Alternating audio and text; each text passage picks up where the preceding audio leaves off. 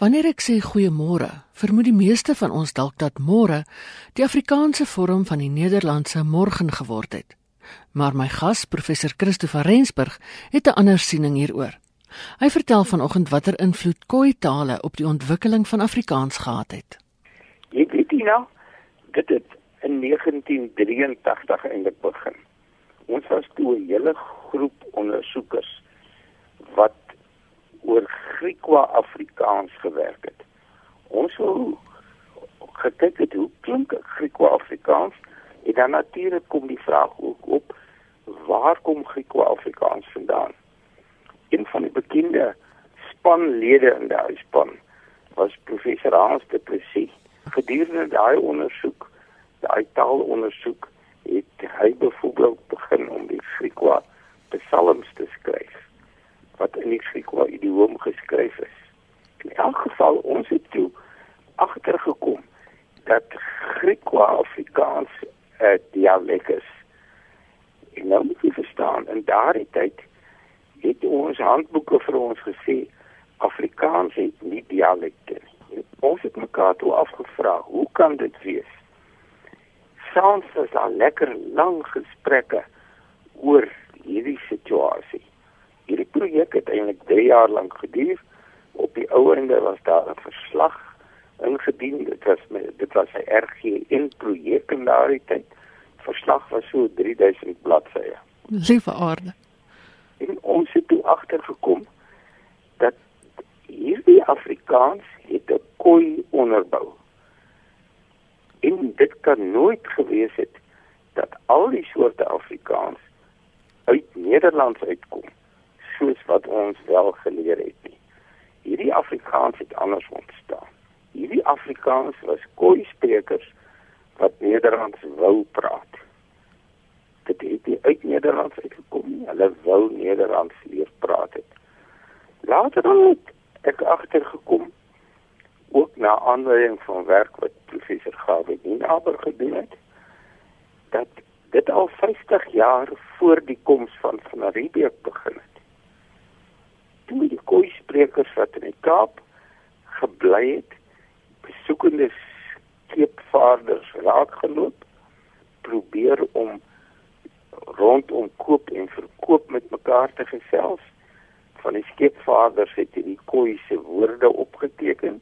Daar's 'n hele klomp woorde wat al presies Afrikaans is in daardie tyd begin.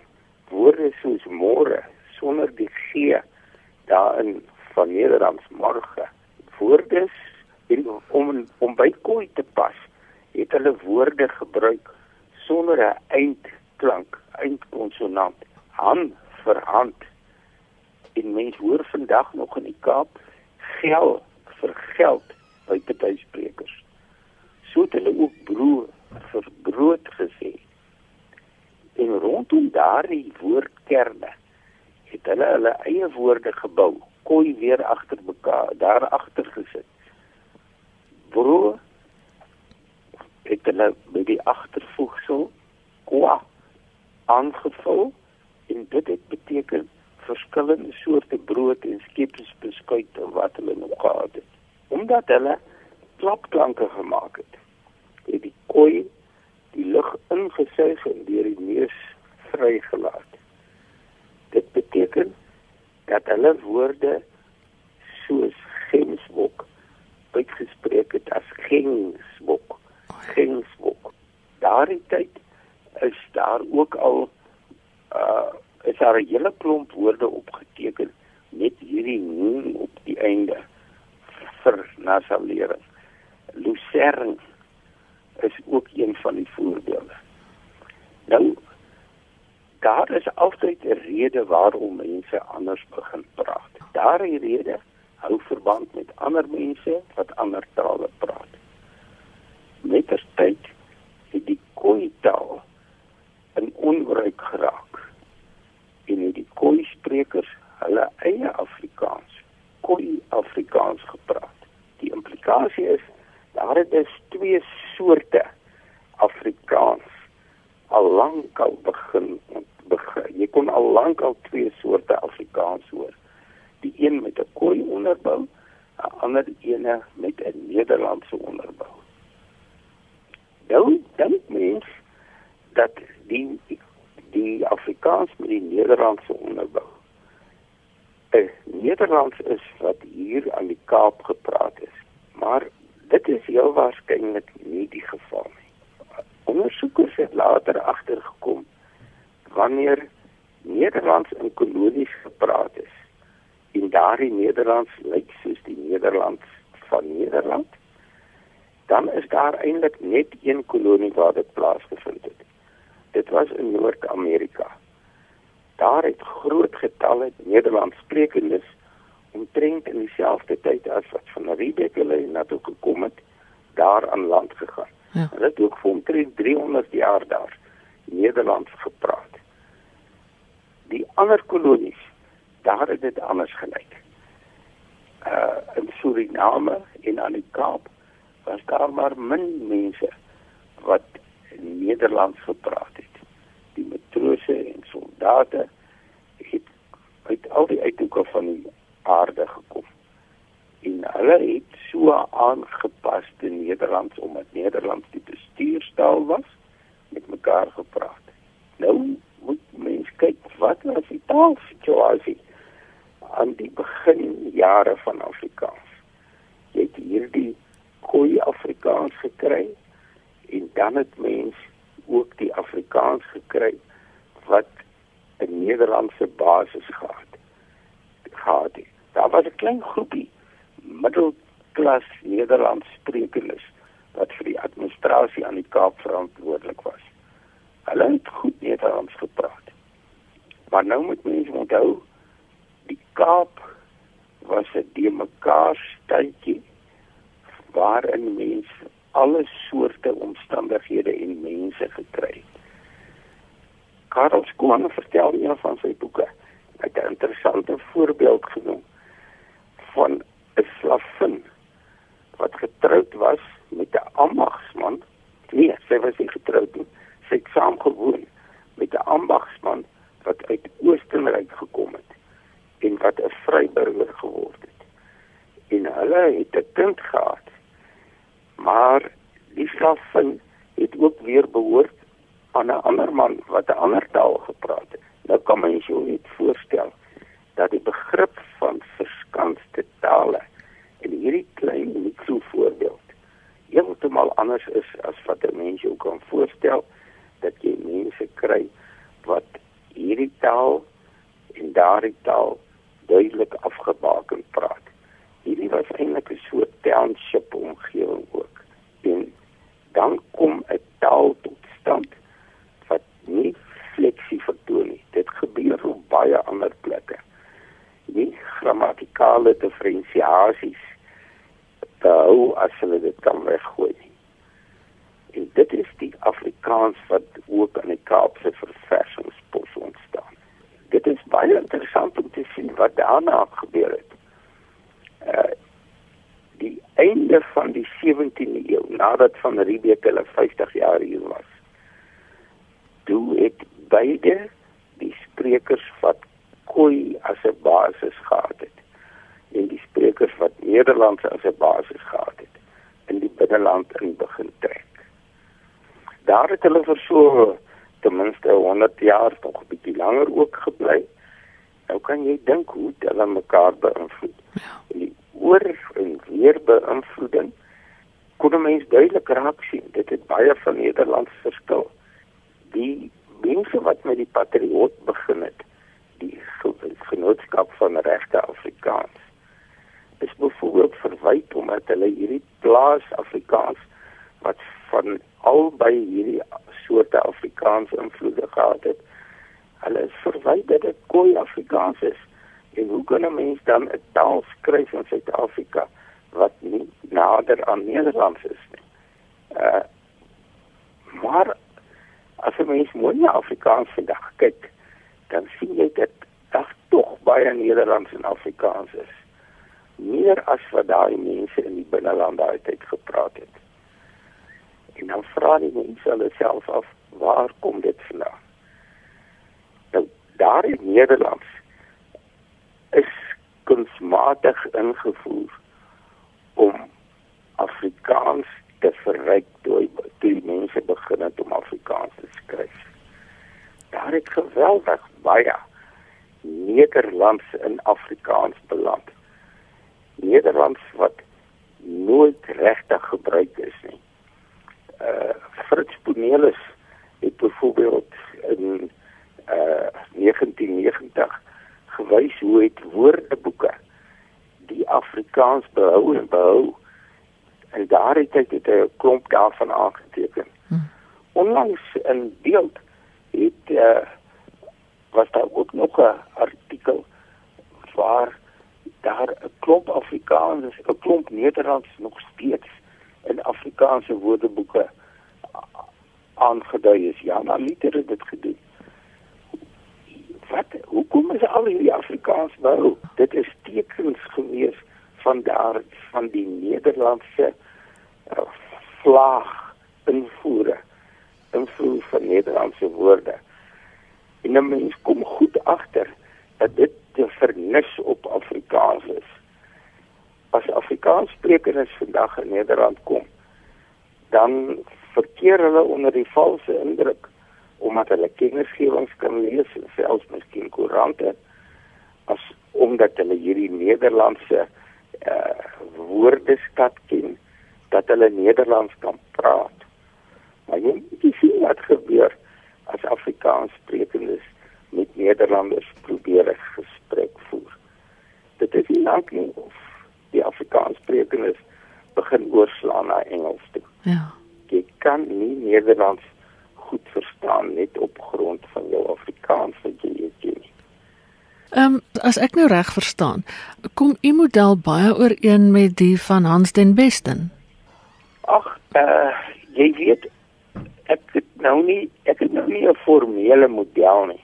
Hmm. Daar is baie aansluitings tussen wat Hans den Besten sê van hoe Afrikaans begin het en wat ek vandag sê waarna mens moet kyk as jy wil verstaan hoe Afrikaans in die vroeë jare gelyk het en hoekom ons om praat soos ons op vandag praat. Die laaste klompe jaar kry variasietaalkunde meer aandag. Wat sou u sê is die plek van variasietaalkunde? Ja, sodra mens aanvaar dat 'n taal dialekte het, dan moet jy dadelik weet begin variasietaalkunde 'n groot rol speel. Verklaar waar kom hierdie dialekte vandaan? Hoekom lyk hulle soos hulle lyk? Die variasietaalkunde is baie interessant. As 'n mens praat, dan kan jy gedurig hoor daardie mens wat praat het in sy taal nie net woorde wat van vandag afkom nie. Hmm. Daar is ook woorde wat baie lank gelede begin is en wat baie lank gelede gebruik is. Jy weet as 'n mens byvoorbeeld afry Kaap toe, ewe skielik kom die woord leeugamka hier op 'n kennisgewing langs die pad op klein plekkie. Nou leeu is is word herhaal in gam wat in koi die woord vir leeu is. Nou dadelik besef jy daar is 'n ander storie agter hierdie pleknaam. En nou, nou weet jy, uh jy kan dit nie, jy kan nie eintlik daarby uitkom sonder 'n goeie kennis van variasie taalkunde. Variasie taalkunde floreer op woorde uit verskillende lae en uit verskillende tye wat jy vandag gelyktydig hoor wanneer mense praat. Daar is nie iets wat tot nie gaan nie. En jy gaan hoor nog iets van 'n uh, baie ou vorm van Afrikaans sprekendes. Taal is nie 'n voorwerp wat verweer nie. Dit klink altyd so as mense praat en sê 'n taal lyk nou so en so taal is dit nie taal sitie is deel van 'n mens se gees en sprekers besluit hoe hulle 'n taal wil plooi en dit is altyd wanneer daar ander sprekers in die omgewing is Ek dink ons sal verbaas wees as 'n mens 'n lysie sou moet maak oor watter woorde kom uit al die ander tale wat ons vandag nog gebruik sonder om te besef dit kom uit ander tale uit. Jy is heeltemal reg, Ina. Dit dit is so Maar dan moet 'n mens net net Hans den Besten se naam genoem.